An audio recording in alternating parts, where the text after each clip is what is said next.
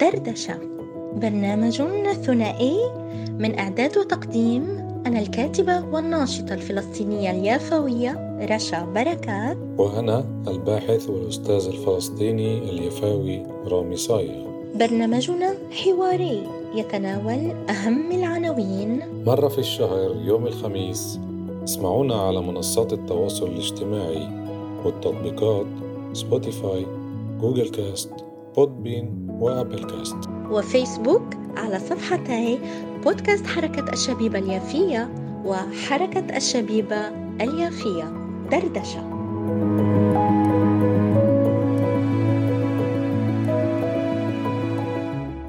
أهلا وسهلا بكم أعزائنا متابعي كل برامج بودكاست حركة الشبيبة اليافية.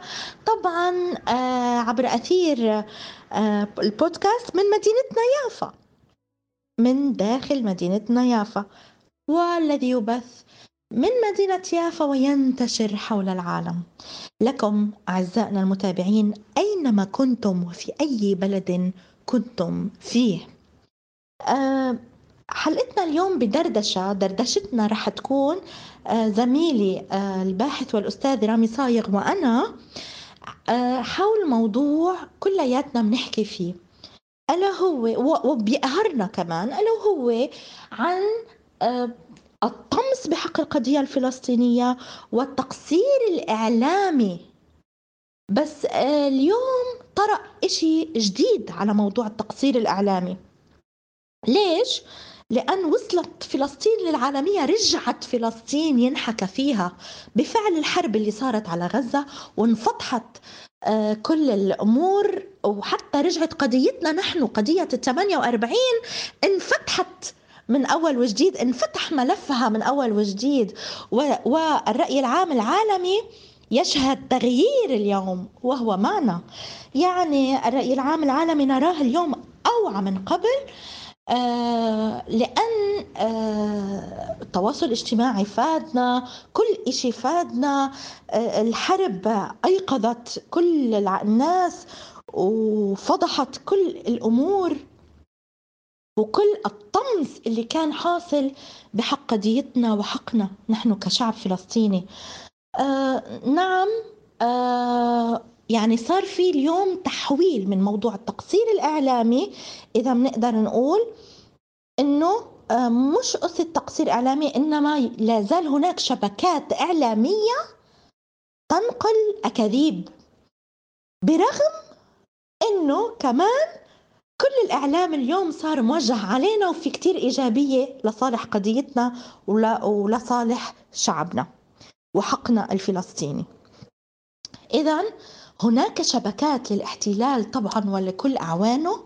لا زالت تعمل على بث الفتن وعلى بث الإشاعات والأكاذيب المغرضة. آه كمان هاي لازم ينفتح حولها. آه آه مش رح أكتر أكثر. لنكمل دردشتنا. زميلي رامي صايغ وأنا. والآن أسلم الميكروفون لزميلي رامي صايغ لنعرف إيش آه رأيه بالموضوع.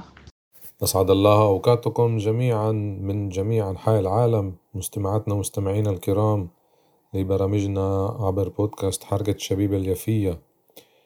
شكرا زميلتي رشا على هذه المقدمة الهامة ويجب أن ننوه للمستمعين والمستمعات أننا دائما نواكب أمورنا وشؤوننا الفلسطينية وكل موضوع يخص قضيتنا فالعناوين التي نكتبها ونعدها سويا هي عناوين مسبقة وللتنويه هذا العنوان كان منذ بضعة أشهر وأردنا أن ننشر حلقة مميزة عن التضليل والتقصير الإعلامي بحق القضية الفلسطينية.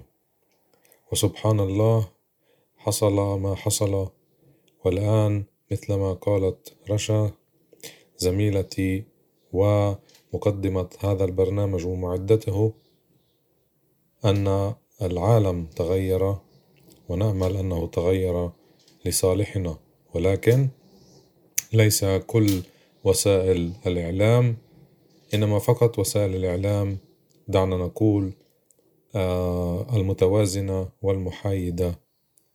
لأن على سبيل المثال حتى يومنا هذا نرى وسائل إعلام حتى عربية ما زالت تقدم الأخبار وكأنها محايدة ولا أهمية لها للقضية العربية الفلسطينية القضية الأساسية.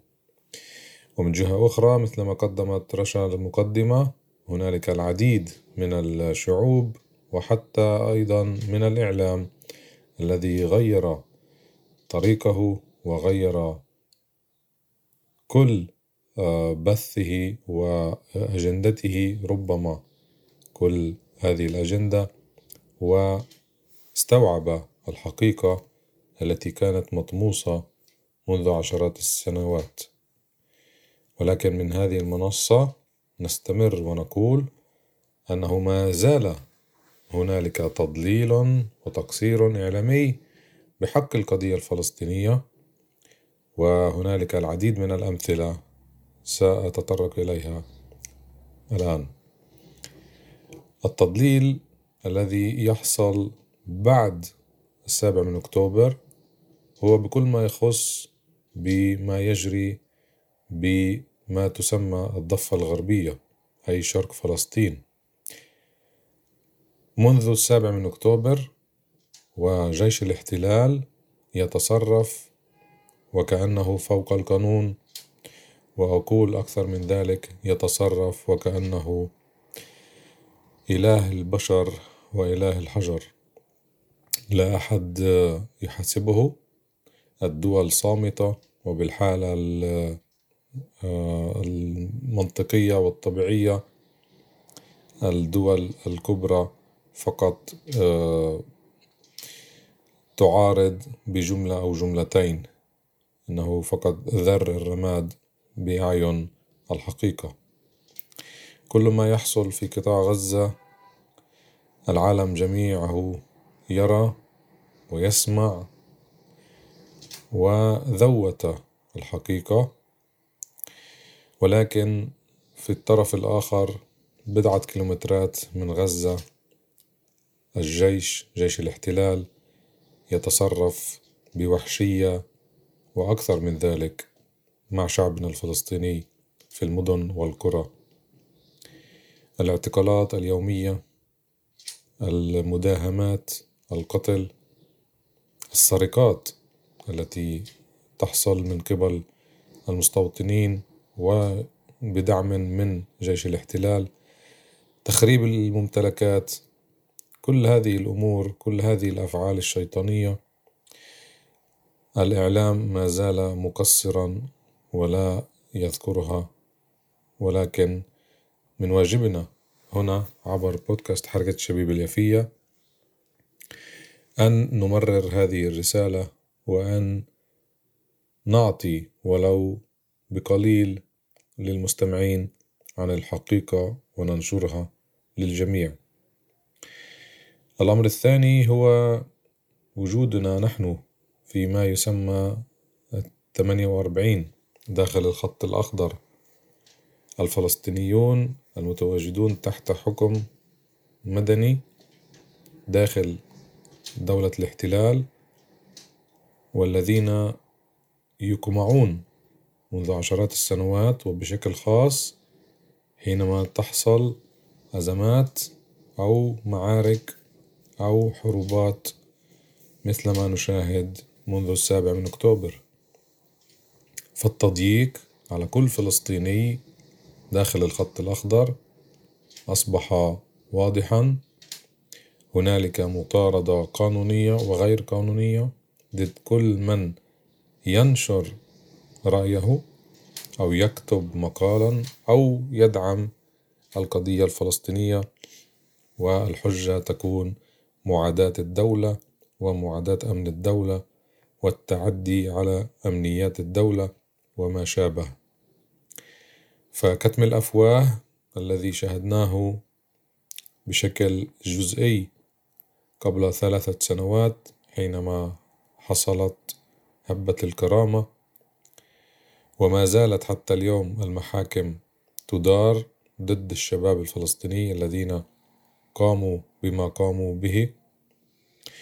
ولكن منذ السابع من أكتوبر التقصير الإعلامي ما زال متواجدا رغم التغيير الذي ذكرته زميلتنا رشا. التقصير الإعلامي بحق الفلسطيني أينما تواجد ما زال موجودا.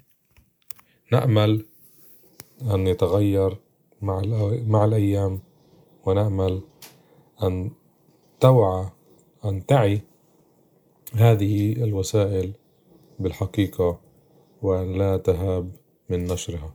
درر عزيزي رامي ما تفضلت به. كذلك أنا حابة آه، أزيد وأضيف أنه كمان آه، هناك آه، يعني طبعا الإعلام اليوم هو ليس فقط الإعلام الكلاسيكي يعني والدليل بودكاستنا يعني هو التطبيقات وغيره والتواصل الاجتماعي يشهد إنه آه، العمل الإعلامي الجبار في هذا. ومن هنا هناك جزئية بالتواصل الاجتماعي كمان في صفحات وغيره وغيراته بتبث آه، آه، مجندة لتبث الأكاذيب والإشاعات. وطبعا عدا على كذلك تصريحات الاحتلال يعني بإداراته المتعددة ومناصبهم المتعددة تصريحاتهم الكاذبة أيضا. وكل هذه التصريحات طبعا آه، الكاذبة بنقدر بنشوفها آه، كذلك عبر الأرشيفات الإعلامية بتنوعها. ولكن كمان الشيء الجميل أنه انفتحت. إنما كمان بالمقابل مقابل ما انه إنه كمان هي عم تنفضح وعم تنحرق ورقتهم نهائيا كذلك هناك لا زال شبكات إعلامية كبيرة تعمل على بث الإشاعات. هذه حرب مفتوحة وحرب إشاعات كبيرة. حرب الإشاعة هي جزء لا يتجزأ من الحروب. فكمان بث الأكاذيب هذا أمر لابد من التطرق له. والالتفات حوله واعطائه الضوء الأكبر. إنه كيف كيف نحاول أن نجعل سد وقائي ضد هذه الشبكات الإعلامية الكبيرة والكثيفة العالمية التي تبث بأكاذيبها وتحاول أن يعني تلعب بالرأي العام العالمي كمان وبالشعوب والمجتمعات. إن كان عربيا ويعني عالميا آه، غربيا. لذلك آه، كمان إضافة إلى هذا ما تفضلت به بشق الحياد. نعم آه، يعني يؤسفنا أنه هناك أخوة ينادون بالحياد. لا والأكثر من هيك كمان بيروحوا لا يعملوا حفلات. هاي المبالغ فيها الحفلات اللي هلأ عم تطلع مثل كأنه الآن حان دورها ويلا هبوا كأن قصدا يعني عم عم نشهدها بشكل مبالغ فيه وبشكل كتير واضح إنه مفتعل وكبير إنه مفتعل ومبالغ فيه لدرجة كبيرة. الرقصة الحفلات الراقصة الحفلات الغنائية إلى آخره. وبث حولها آه، يعني الإعلان عنها وإلى آخره. هذا أيضا أمر كمان لازم ينحكى فيه. آه، إضافة إلى كمان أمر آخر التعتيم فيما يختص بالضفة وبمدننا كلها يعني كل فلسطين. وطبعا عدم ملاحظة المصطلحات نقول فقط الشعب الغزاوي أو الشعب في غزة. طب ما هو الشعب الفلسطيني الشعب الفلسطيني في غزة. غزة والضفة و48 كله هذا شعب فلسطيني واحد. وكلياتنا فينا من الكل. يعني يافا ما ما فيها باقي ما تبقى من أهالينا في يافا ليسوا فقط من يافا. وكذلك في غزة هناك يعني عوائل كثيرة. يافوية وعكاويه والى آخره. يعني لا يجوز انه نقول فقط غزة أو ضفة أو إلى آخره. إلى جانب أنه التعتيم على ما يحصل في باقي المدن والقرى يعني إشي مش طبيعي. عم بيظهروا شوي ولكن هناك تعتيم. وطبعا حبيبتنا غزة أخذ الجزء الأكبر وتستحق ونحن مع هذا. ولكن كمان أنه ينحكى أكثر عن, ما يحصل في كل فلسطين ومع كل شعبنا الفلسطيني وليس أيضا فقط في داخل فلسطين إنما أيضا خارجها وفي الشتات. نتعرض أيضا للأذى.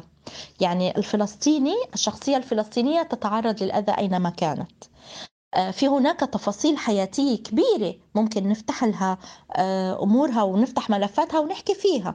هناك تفاصيل كبيرة حياتية يجب أن يتم الفتح آه، بالأحاديث عنها والكلام عنها.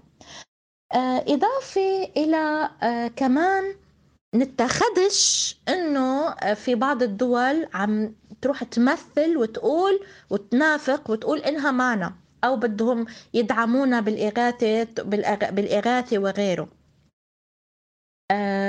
ما هذا الذي يحصل؟ هناك دول يعني وعفوا لذكر الاسم هنا من بينهم الأردن آه تلعب دورا يعني آه يعني مؤامراتي.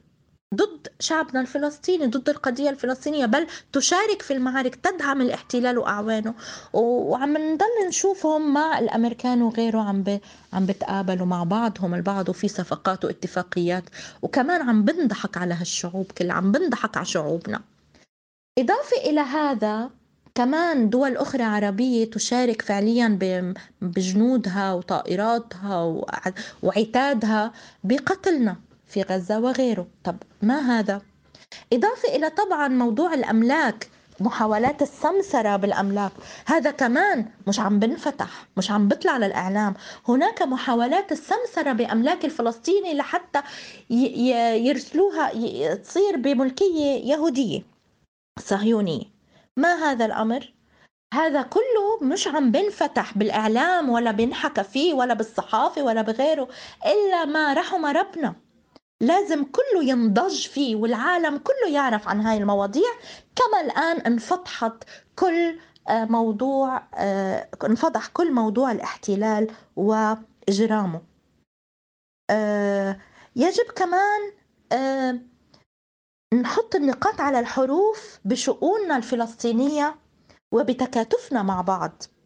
يعني كمان أنا بلاقي أنه عزيزي رامي وأعزائي المتابعين إنه هل يجوز من الآن فصاعدا أن يبقى بعض. بعض من الشعب الفلسطيني بجمعياته وغيره وغيراته بيشتغل بشكل فردي؟ طبعا لا. طبعا لا.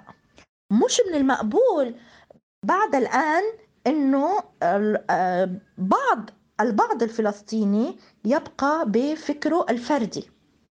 الآن حان الوقت إنه كلياتنا نتحد مع بعض ونتوحد أكثر آه، من أجل آه، تحصيل إنجازات أكبر بكثير. وطبعا إحنا متفائلين كتير وشعبنا رائع ومهم جدا ولكن أحكي على فئة معينة.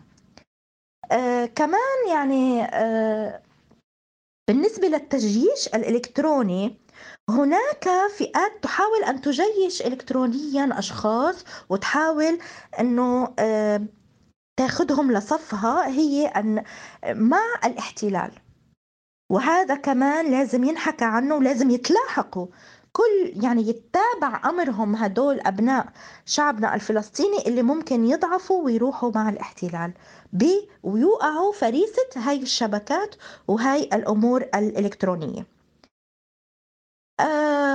التعتيم التعتيم على كل مدن وقرى فلسطين آه، وما يحصل بها وكذلك بث الأكاذيب بما يحصل مع المقاومة الفلسطينية وغيره وحول يعني حولنا نحن كمقاومة فلسطينية اللي هي أصلا ابنة الشعب يعني ما اجتش المقاومة فقط من من كوكب آخر. هن أبناء شعبنا الفلسطيني كلياتنا بنقاوم كل واحد بقاوم بحسب اللي عنده. فإذا بث الأكاذيب حول كل الشخصيات الفلسطينية يجب أن ينوضع له حد ويجب كمان إنه نحكي فيه. كذلك يعني من فترة طبعًا ولا أريد يعني أن أقولها لأنه لا أريد أن أعطي المثال لأن الأمثلة كثيرة على هذا بالنسبة للأكاذيب. آآ وموجودة كلها بالأرشيفات الإعلامية. آآ إنه أحد القادة من الاحتلال صرّح بإنه آآ الفلسطيني هو من يفتعل الحرب هو من يقتل أهل شعبنا الفلسطيني. يعني ما هذه التصاريح الهستيرية يعني إنه مين رح يصدقك؟ إنه ما هذا؟ لا وهناك شبكات تدعم هذه الأقوال وتحاول بثها بكثافة أكبر وهناك أمثال كبيرة كبيرة كبيرة وأكثر بكثير من هذا تصريحات موجودة ومثبتة في أرشيفات الإعلام كله. ممكن نرجع لها. إذا آه، بلاقي إنه من المفروض إنه نوجد طريقة جديدة نبتكر طريقة لصد هذه الماكينات الكاذبة وحرب الإشاعة علينا. صحيح ما تحدثت وذكرت عنه هو آه، ما يسمى بالعلوم السياسية. بالحرب النفسية التي ذكرتها حرب التضليل إنها الحرب النفسية. ونشاهد منذ السبع من أكتوبر أن هنالك العديد من الأكاذيب والعديد من التضليل لأنها حرب نفسية. إنها آه، إحدى الأساليب التي يتخذها آه، الطرف المهزوم أو الذي آه، ربما سيهزم عن قريب ويكذب أو يكذب الحقيقة وينشر أجزاء من الحقيقة. دعنا نقول إذا لم ينشر كل الأكاذيب على سبيل المثال من أجل إنعاش المجتمع مجتمع الاحتلال يتم تكتيم أو تكتم على كل ما يجري في شمال فلسطين.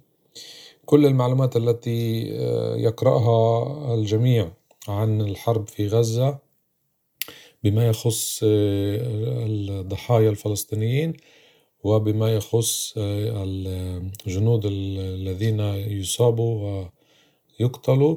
الأرقام آه، متاحة للجميع ولكن هنالك تعتيم على الأرقام في شمال فلسطين. هذه السياسة واضحة لأنها تريد أن لا تزرع الخوف في المجتمع الصهيوني ومن أجل عدم آه، هروبه وخروجه من أرض فلسطين.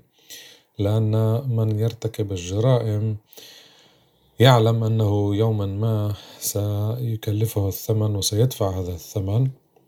والحرب دعنا نقول المعارك في شمال فلسطين وجنوب لبنان هي ليست آه، بنزهة. بالطبع هي ليست مثل ما يجري في قطاع غزة. ولكن هنالك ضحايا لبنانيون وبالطرف الآخر الاحتلال يتكفل أو يتكلف العديد من الخسائر إن كانت البشرية أو الخسائر المادية وهنالك تعتيم على الأعداد على أرقام القتلى من جنود الاحتلال وحتى المستوطنين. ولكن بشكل خاص على جنود الاحتلال هذا جزء لا يتجزأ من الحرب النفسية التي يستعملها أو تستعملها كل دولة أو كيان حينما تكون بنزاع مع طرف آخر. والتضليل أيضا يكون بشكل علني. على سبيل المثال حينما يتحدث الناطق باسم الجيش جيش الاحتلال يعطي أجزاء من الحقائق إن لم تكن أكاذيب. هذا من أجل عدم ردع أو عدم تخويف آسف المجتمع الصهيوني ومن أجل زرع الأمل والروح آه، المعنوية لاستمرار الحياة وعدم آه، تخويف أو ترهيب آه، المواطنين الصهاينة. آه، نعلم أن هنالك العديد من الأمور التي يجب أن يتم كشفها ولكن في هذه الحلقة تطرقنا إلى الأهم من ذلك وإلى أمثلة تعني هذه القضية. ألا وهي التضليل والتقصير الإعلامي. وبنهاية مداخلتي أود أن أشكر كل محطة تلفزيونية قناة تلفزيونية ومحطة في الراديو أو أي وسيلة إعلام رسمية وغير رسمية. أنا لا أتطرق إلى النشطاء لأن النشطاء لديهم الحرية الكاملة ولكن أنا أتحدث عن وسائل الإعلام التي آه، تعكس الحقيقة وهذا طبعا واجبها. لا أريد أن أذكر أسماء المحطات أو القنوات ولكن جميعنا نعلم القنوات العربية المضللة وجميعنا أيضا نعلم القنوات العربية الحقيقية والتي لا تخشى من قول الحقيقة. شكرا لحسن استماعكم. بمر الميكروفون لزميلتنا رشا. لتختم حلقتنا اليوم نلتقي الشهر القادم. آه نعم زميلي رامي لقد تطرقت بمداخلتك لنقاط كمان مهمة جدا. من بينها موضوع الحرب النفسية طبعا من يعني حرب الإشاعة هي حرب نفسية أيضا وكذلك أكثر من هذا وتتضافر مع موضوع الحرب المعنوية يعني تتلاقى مع موضوع المعنويات. فهم يعني يقومون بحرب معنوية علينا وفي المقابل لرفع معنويات مجتمعهم. يعني هنا ناقص هنا زايد. يعني يلعبوها بهالموضوع. ولكن يعني أنا أرى أنهم مفضوحين ولكن من واجبنا أننا نلقي الضوء على كل هاي الأمور وننادي بعدم التعتيم وفضح الشبكات التي تبث الأكاذيب وفضح أكاذيبهم وملاحقة كل هاي الأمور ومتابعتها لأن هذا كمان من واجبنا إحنا كأبناء القضية. كذلك بالنسبة للتعتيم على الأرقام وما يحصل حقيقة في شمال فلسطين وجنوب لبنان فطبعا من المؤكد إنه آه هذه الحرب المفتوحة آه واللي هم مستشرسين فيها وبدهم يغرقوا لبنان حتى وإن كان لبنان قد صرح في السابق إنه بدوش الحرب.